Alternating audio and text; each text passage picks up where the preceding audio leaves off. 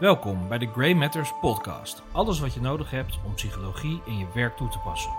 Mijn naam is Misha Koster en ik neem je mee in de wereld van psychologie, beïnvloeding, nudging, mediagebruik en ethiek.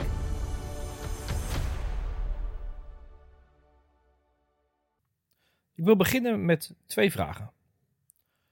Wonen er in Venezuela meer of minder dan 65 miljoen mensen? Bedenk even voor jezelf of je vindt dat er, of je denkt dat er meer of minder dan 65 miljoen mensen wonen. Oké. En de tweede vraag is: hoeveel mensen denk je dat er daadwerkelijk in Venezuela wonen? Bedenk een getal.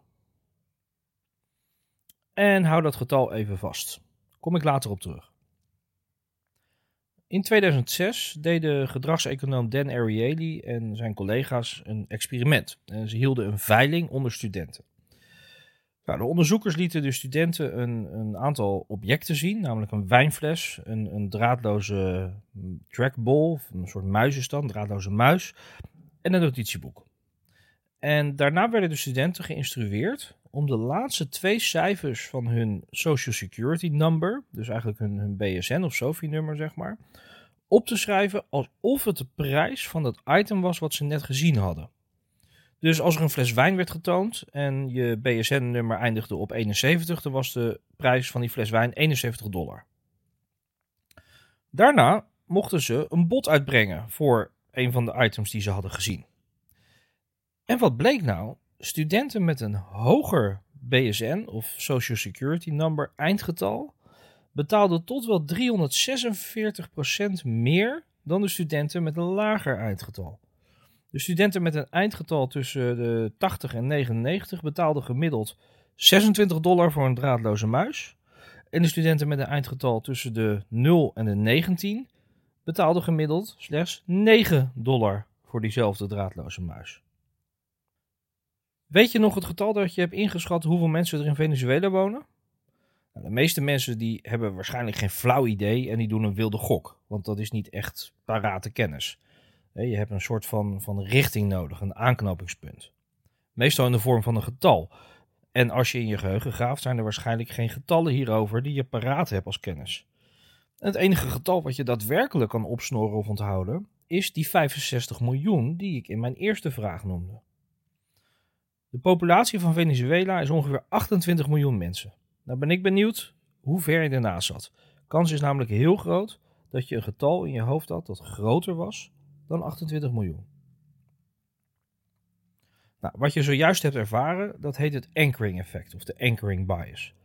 De anchoring bias is de neiging van mensen om te veel waarde te hechten aan het eerste stukje informatie dat ze krijgen bij het nemen van een beslissing. En dat eerste stukje informatie, dat noemen we dan ook de anchor, oftewel het ankerpunt of soms ook referentiepunt. Anchoring werd ontdekt door Daniel Kahneman en Amos Tversky, twee hele bekende uh, psychologiewetenschappers. En zij lieten mensen binnen vijf seconden een rekensommetje maken. dit is hoe ze eigenlijk dat, uh, dat anchoring effect hebben uh, onthuld. Ze lieten mensen een rekensommetje maken. En in de ene situatie begon deze som met hoge getallen. Dus bijvoorbeeld 8 maal 7 maal 6 maal 5 maal 4 maal 3 maal 2 maal 1. En in de andere situatie begon diezelfde som met de lage getallen. Dus 1 maal 2 maal 3 maal 4 maal 5 maal 6 maal 7 maal 8. Dat was ook de daadwerkelijke som die ze mensen voorschotelden. Het resultaat was dat in een lage getallen situatie, dus waar de som zeg maar met de 1 begon, mensen het gemiddelde resultaat al uh, eh, 512 schatten. Want je kan natuurlijk in 5 seconden niet precies uitrekenen wat het resultaat is. De meeste mensen althans. 512 dus. En in de hogere getallen situatie, dus waar die begon met een 8, maar voor de rest was het dezelfde som, was het gemiddelde antwoord niet 512, maar 2250. Dus dat toont aan dat mensen wel degelijk door het eerste stukje informatie wat ze krijgen, geleid worden in het nemen van een beslissing of in het doen van een schatting. Nou, laten we dan eens even praten over hoe jij deze krachtige psychologische techniek kan toepassen voor ja, diverse doelstellingen. Als je een product of een dienst aanbiedt met korting, Zorg er dan altijd voor dat je naast de korting en dus de discount price ook de originele prijs noemt. En dat die als eerste zichtbaar is. Dat zet namelijk het ankerpunt en daardoor zal de prijs die lager is, dus met korting, als aantrekkelijker en voordeliger worden ervaren. Dus niet alleen het kortingspercentage of het kortingsbedrag, maar ook de daadwerkelijke van- en voorprijzen. Nou, als we nog even bij uh, productverkoop blijven, dan zou je ook een tweede toepassing kunnen bedenken, namelijk dat is de volgorde van producten. Bied altijd het duurste product als eerste aan. Dat wordt het anker, het referentiepunt voor de evaluatie van de prijs van opeenvolgende producten. Dus elk opvolgende product met een lagere prijs zal dan als aantrekkelijker worden ervaren. Veel bedrijven werken met offertes.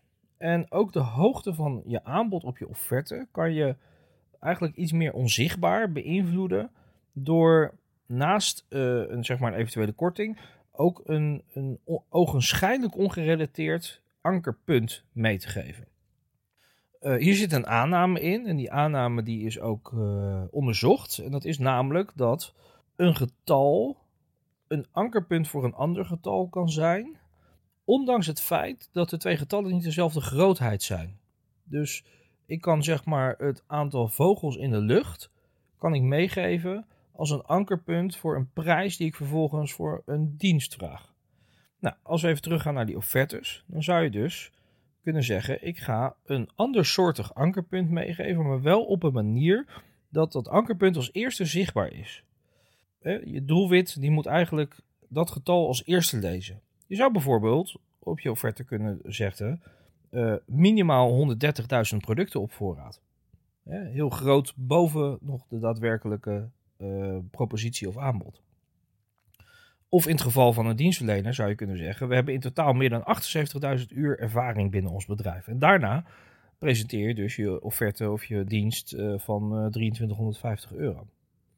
Die zal daardoor lager worden ervaren. Die prijs zal daardoor lager worden ervaren. Nou, als we even in het dagelijks leven kijken, vind ik ook altijd wel leuk om te kijken wat, uh, wat we zeg maar uh, naast zakelijk ook in de privé situatie nog voor toepassingen kunnen bedenken.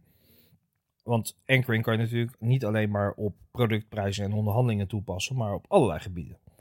Uh, het kan eigenlijk gebruikt worden bij alle onderwerpen, zolang er maar een getal aangekoppeld kan worden. je kan bijvoorbeeld tegen je puber zeggen dat hij Ehm, nou, weliswaar niet om 9 uur al thuis hoeft te zijn, maar dat 11 uur toch wel een mooie tijd is. Dat klinkt wel heel anders dan, um, je gaat het niet drie uur s'nachts maken hoor, je komt om 11 uur thuis. In de ene situatie zeg je eigenlijk, uh, uh, 9 uur is vroeg, dus 11 uur valt mee. In een andere situatie 3 uur is laat, dus 11 uur is een zware inboeting op die 3 uur s'nachts. Nou, de oorzaak van anchoring is nog steeds een beetje een raadsel. Anchoring wordt vaak omschreven als makkelijk te demonstreren, maar moeilijk uit te leggen. Op dit moment is de consensus uh, dat het fenomeen een resultaat is van een aantal verschillende effecten. En als eerste is dat het anchoring en adjustment effect. Het heet eigenlijk een beetje hetzelfde, maar daar zit dus een adjustment component in. Dat is uh, wederom door Kahneman en Tversky onderzocht. En zij leggen uit dat mensen wel een correctie uitvoeren op een ankerpunt, maar dat deze meestal niet toereikend is. Dus hè, ze adjusten op het ankerpunt, maar ze doen dat niet goed genoeg.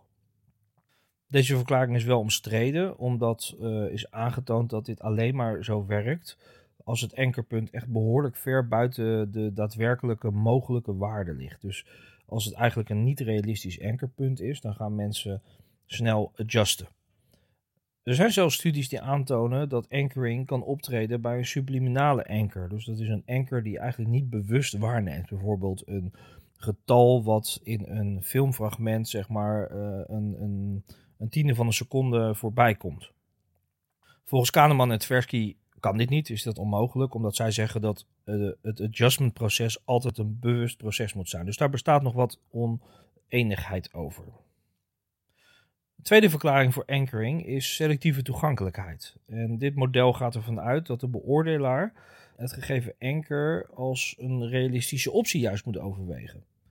Dus de, het enkerpunt 65 miljoen mensen in Venezuela, dat moet in de eerste instantie eigenlijk een soort hypothese zijn. Van nou, 65 zou dat kunnen. Nou, misschien kan het wel, dat is wel een beetje veel. En vervolgens ga je dan weer adjusten als die optie niet valide of realistisch lijkt. Dan ga je op zoek naar een alternatieve optie of een alternatieve hypothese. Maar die heeft dan meestal wel dezelfde eigenschappen als de originele hypothese. Dus in het geval van hè, Venezuela nog een keertje, 65 miljoen. Dan denk je, nou, dat is wel een beetje veel misschien. En dan ga je adjusten. Maar waarschijnlijk zou je dan toch nog in de tientallen miljoenen blijven zitten. Omdat dat een eigenschap is van dat getal 65 miljoen. Een derde verklaring is die van attitudeverandering. En die theorie gaat ervan uit dat het anker een bepaalde evaluatie of emotie uit kan lokken. Nou, en al naar gelang deze evaluatie dan positief of negatief is, zal de attitude ten opzichte van het anker veranderen, maar ook ten opzichte van de daaropvolgende antwoorden. Dus laten we weer even teruggaan naar Venezuela. Ankerpunt 65 miljoen. Het kan zijn dat je daarbij denkt: jeetje, 65 miljoen, dat is, dan zit iedereen helemaal strak op elkaar, sardientjes in een blik en het is een onhygiënische boel. Dus dat je daar misschien een negatieve emotie bij krijgt. Dan zou je dus eerder geneigd zijn om um, lager te gaan uh, adjusten, omdat je een heel negatieve emotie bij het originele ankerpunt hebt gekregen. Een speciale vorm van anchoring is het asymmetrische dominantie-effect. Een hele mond vol. Het wordt ook wel decoy-effect genoemd. Dus die, uh, onder die term is die wat bekender. Hierbij wordt de keuze tussen twee opties beïnvloed door de toevoeging van een derde, dit noemen ze de asymmetrische keuze, uh, die de functie van het anker eigenlijk overneemt van de twee andere. Dus een asymmetrisch gedomineerd voorstel is, is dus een voorstel of een product of dienst of iets dergelijks, dat in sommige gevallen, in sommige aspecten eigenlijk beter is dan een van de andere opties, maar in geen enkel ander aspect beter dan de overblijvende optie, of misschien zelfs nog wel slechter dan de overblijvende optie. Een voorbeeld, een praktisch voorbeeld, is de verkoop van popcorn in bioscopen. typisch zijn hier drie maten: small, medium en large. En het verschil tussen die maten is vaak lineair. Dus de medium is bijvoorbeeld een derde groter dan de small en de large is een derde groter dan de medium. Dus je zou verwachten dat de prijzen dan ook lineair stijgen. Bijvoorbeeld 1 euro voor de small, 2 euro voor de medium en 3 euro voor de large. Als we nou asymmetrische dominantie willen introduceren of een decoy willen introduceren, met als doel om de verkopen van de large zeg maar verder op te drijven, dan kunnen we de medium een prijsverandering geven. Namelijk, we maken die duurder. Dus in plaats van 2 euro maken we de medium 2,50. Hierdoor wordt de large ineens relatief veel aantrekkelijker dan de medium. Want een small is 1 euro, een medium is 2,50 en een large is 3 euro. Dus voor minder geld krijg je er meer bij eigenlijk. Dus de medium die zal waarschijnlijk minder verkocht worden, maar de large des te meer. Dus de medium is de decoy geworden. Ik vind het ook altijd wel interessant om te kijken uh, hoe dit soort technieken tegengegaan kunnen worden. Hè? Om jezelf ervoor te behoeden dat je er instinct, zeg maar. Nou, dan heb ik eigenlijk slecht nieuws, want anchoring is heel moeilijk te weerstaan. Er zijn onderzoeken geweest die aantonen dat ook al als het ankerpunt overduidelijk foutief is, het nog steeds werkt. Zelfs als mensen zich bewust zijn van het effect en er tijdens een experiment wordt gewezen dat er een anker wordt gebruikt om hun antwoord te beïnvloeden en dat ze daarvoor een correctie moeten doorvoeren zelfs, dan treedt dat effect nog steeds op. En dat geldt niet alleen maar voor schattingen, maar ook bij experts treedt dit effect op.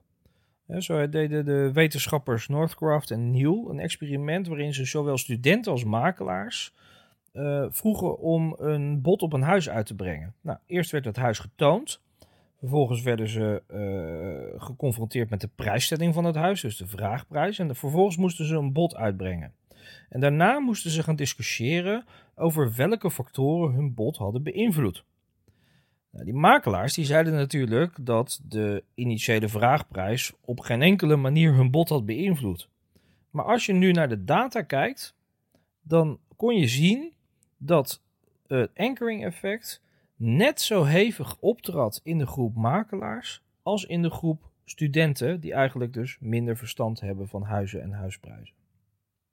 Anchoring is een hele krachtige techniek om het referentiekader van je doelgroep te veranderen en daarmee beslissingen en gedrag te beïnvloeden. Ik hoop dat je in deze podcast wat ideeën hebt gekregen hoe je het in jouw praktijk kan toepassen. Veel succes! Wil je geen aflevering missen? Subscribe je dan nu nog op mijn podcastkanaal. En deel deze aflevering met je vrienden en collega's voor wie dit ook interessant kan zijn. Voor nu bedankt voor je aandacht en onthoud, psychologie werkt. Gray matters.